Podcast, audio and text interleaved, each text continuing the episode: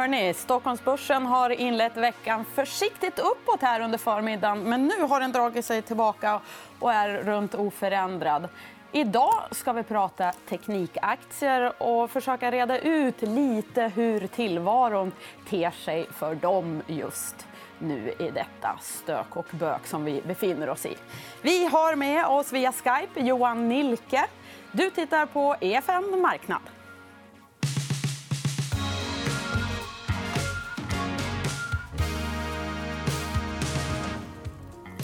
Hej Johan, du befinner dig hemma för tillfället. Ja, det stämmer. Hej. Hej. Du, hur har de senaste veckorna varit för en förvaltare som dig?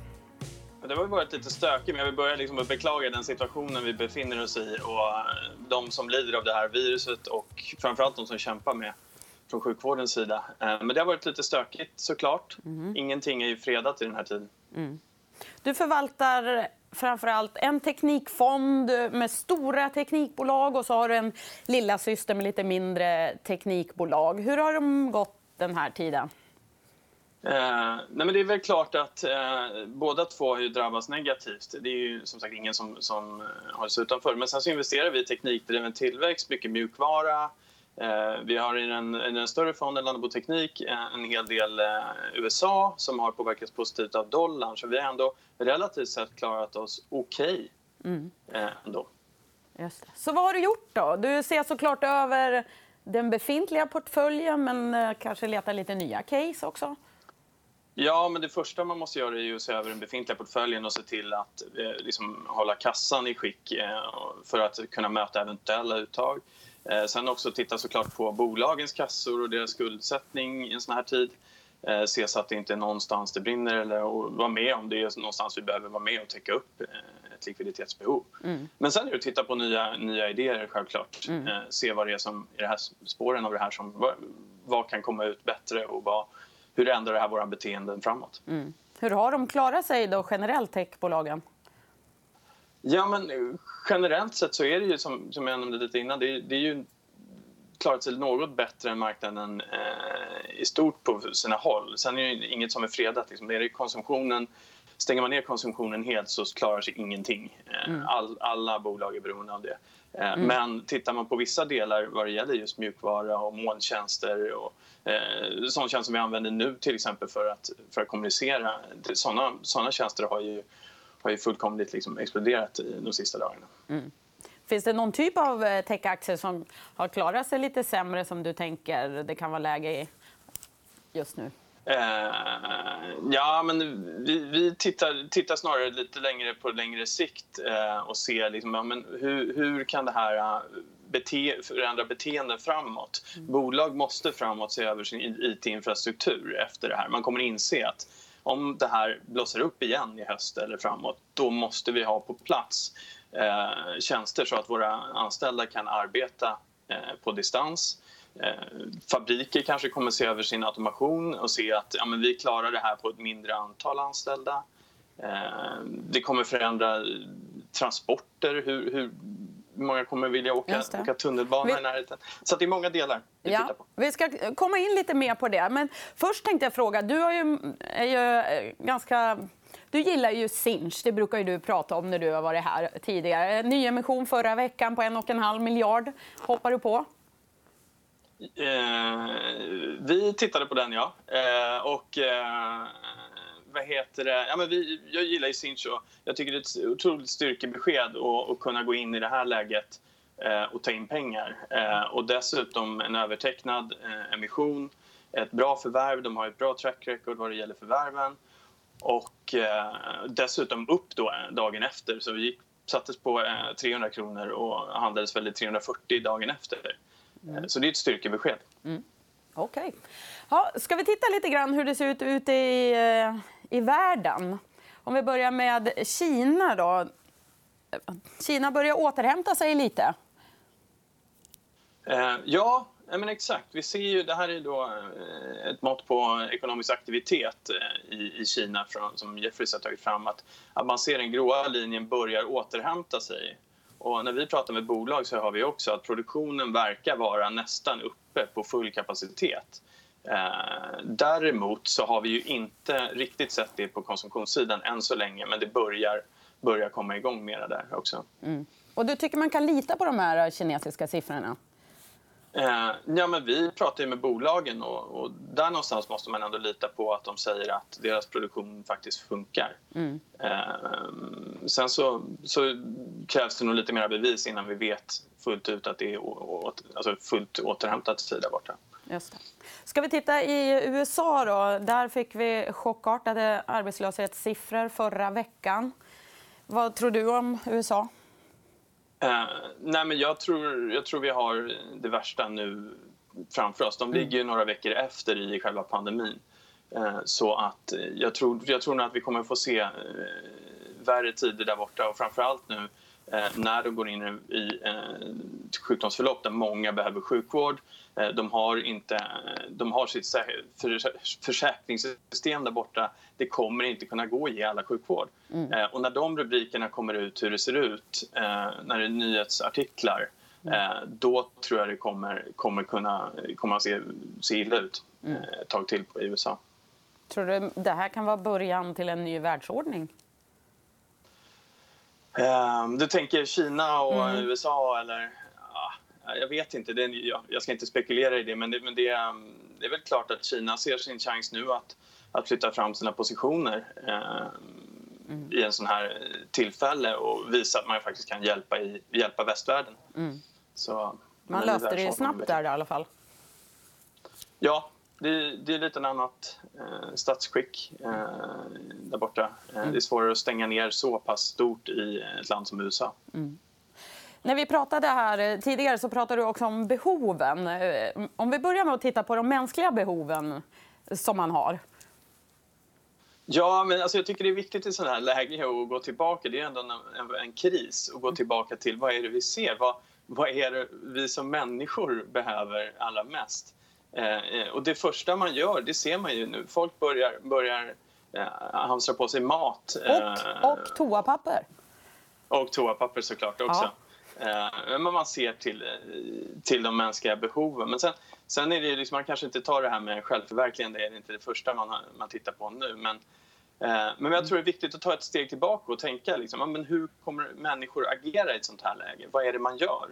Eh, vad drar man in på? Vad ökar man på? Och, och, det är en kortsiktig del. Men sen kommer det här förändra beteenden längre sikt. Och där är vi nu och börjar titta på hur, hur det kan påverka. Mm. Och där kommer mycket av det tekniska och internet och det som din, din eh, bästa gren, kan man säga.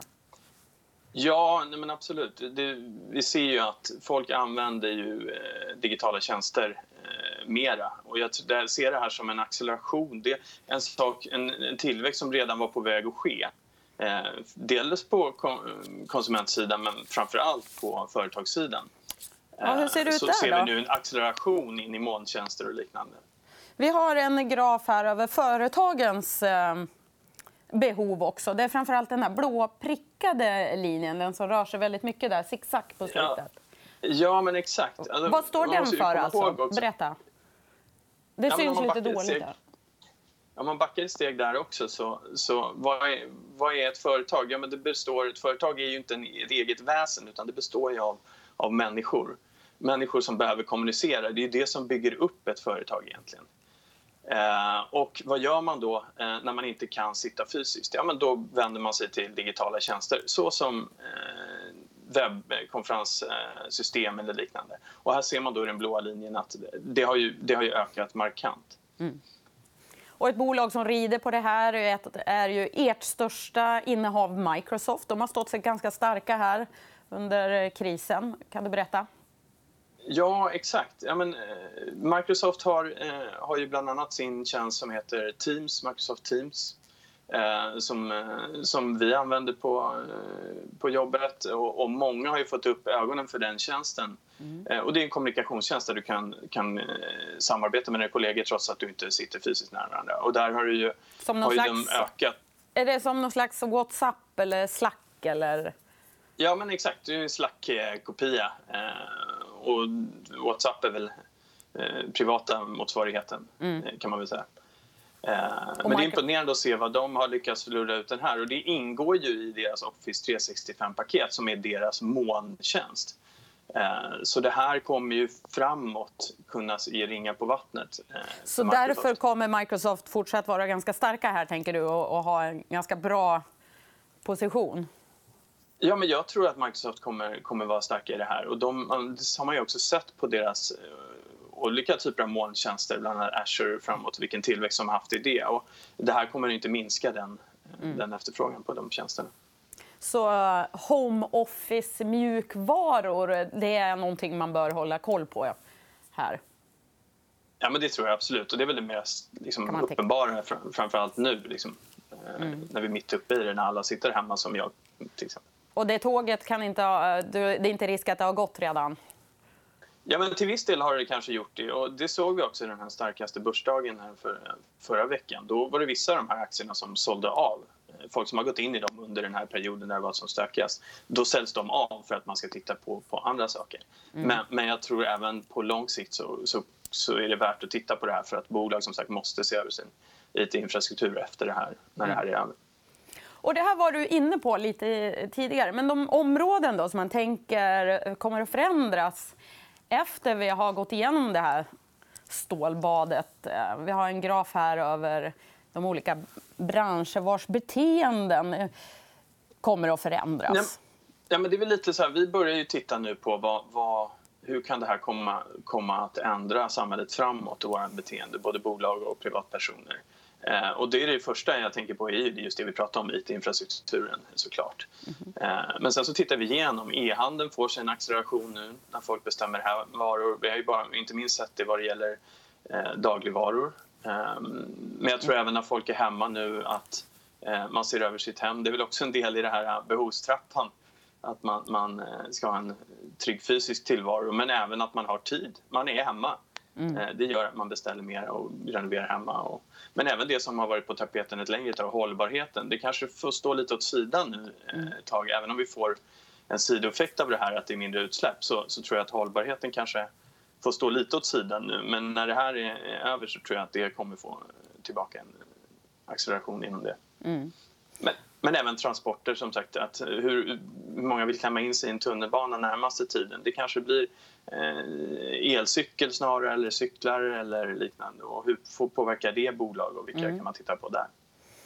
Ja, ska vi ta och titta på estimaten här för kvartal två? Det kommer såklart vara ett svagare kvartal för de flesta bolag. Eh, ja, alltså... Eh, det, det, är ju inget snack om att... Jag är inte direkt avundsjuk på analytikerna och, eh, som, som behöver sätta ett estimat på, på det här. För det är ju inte helt lätt att se hur det här kommer spela ut. Och bolagen vet ju i dagsläget inte riktigt hur det här kommer spela ut. Men vi ser ju att estimaten har kommit ner i USA och man förväntar sig i Q2 då en negativ tillväxt, vinsttillväxt på 10% Tror du att de har kommit ner tillräckligt? då? Eh, nej, men jag tror vi kommer få se eh, fortsatta nedrevideringar. Eh, sen beror ju allt på hur det är ovissheten hur länge det här lockdownen håller på. För mm. det är mm. det som påverkar, påverkar bolagen mest. Mm. Innan vi rundar av, då, kan du, har du några stalltips så här, för den som sitter hemma på kammaren och funderar? Eh, nej, men jag tycker att man ska titta på dem. Jag gav några exempel på de här temana som vi som man kan vara aktuellt att titta på just nu. Mm. Eh, och jag, jag, tror det är viktigt att göra det och se liksom, men vad är det lite långsiktigt. Jag tror också att man ska, ska ta ett steg tillbaka och kanske börja tänka lite själv för det är otroligt informationsflöde under en sån här period. Mm. Eh, och, och, kanske titta på rena, rena data istället och se att ja, men, eh, hur ser det ut? Vad, mm. vad, eh, vad är det som ökar? Vad är det som minskar egentligen på, på riktigt mm. och se, liksom, tänka till lite mer också till sitt eget beteende kanske. Hur, hur tänker jag? Mm. Eh, vad kan man få för idéer från det? Remote-lösningar? Ja, eh, bland annat. Ja, men, eh, jag, jag tror att molntjänster eh, och liknande kommer få en ännu ljusare framtid än vad jag trodde innan. Mm. Eller det som, det som skulle hända inom ett par år kommer hända nu ganska snabbt.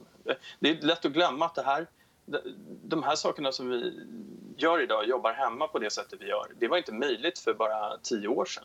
Mm. Utan, utan det här är möjligt på grund av de molntjänster och de digitala tjänster som vi har växt fram under de senaste åren. Just det. Stort tack Johan Nilke. Tiden går fort.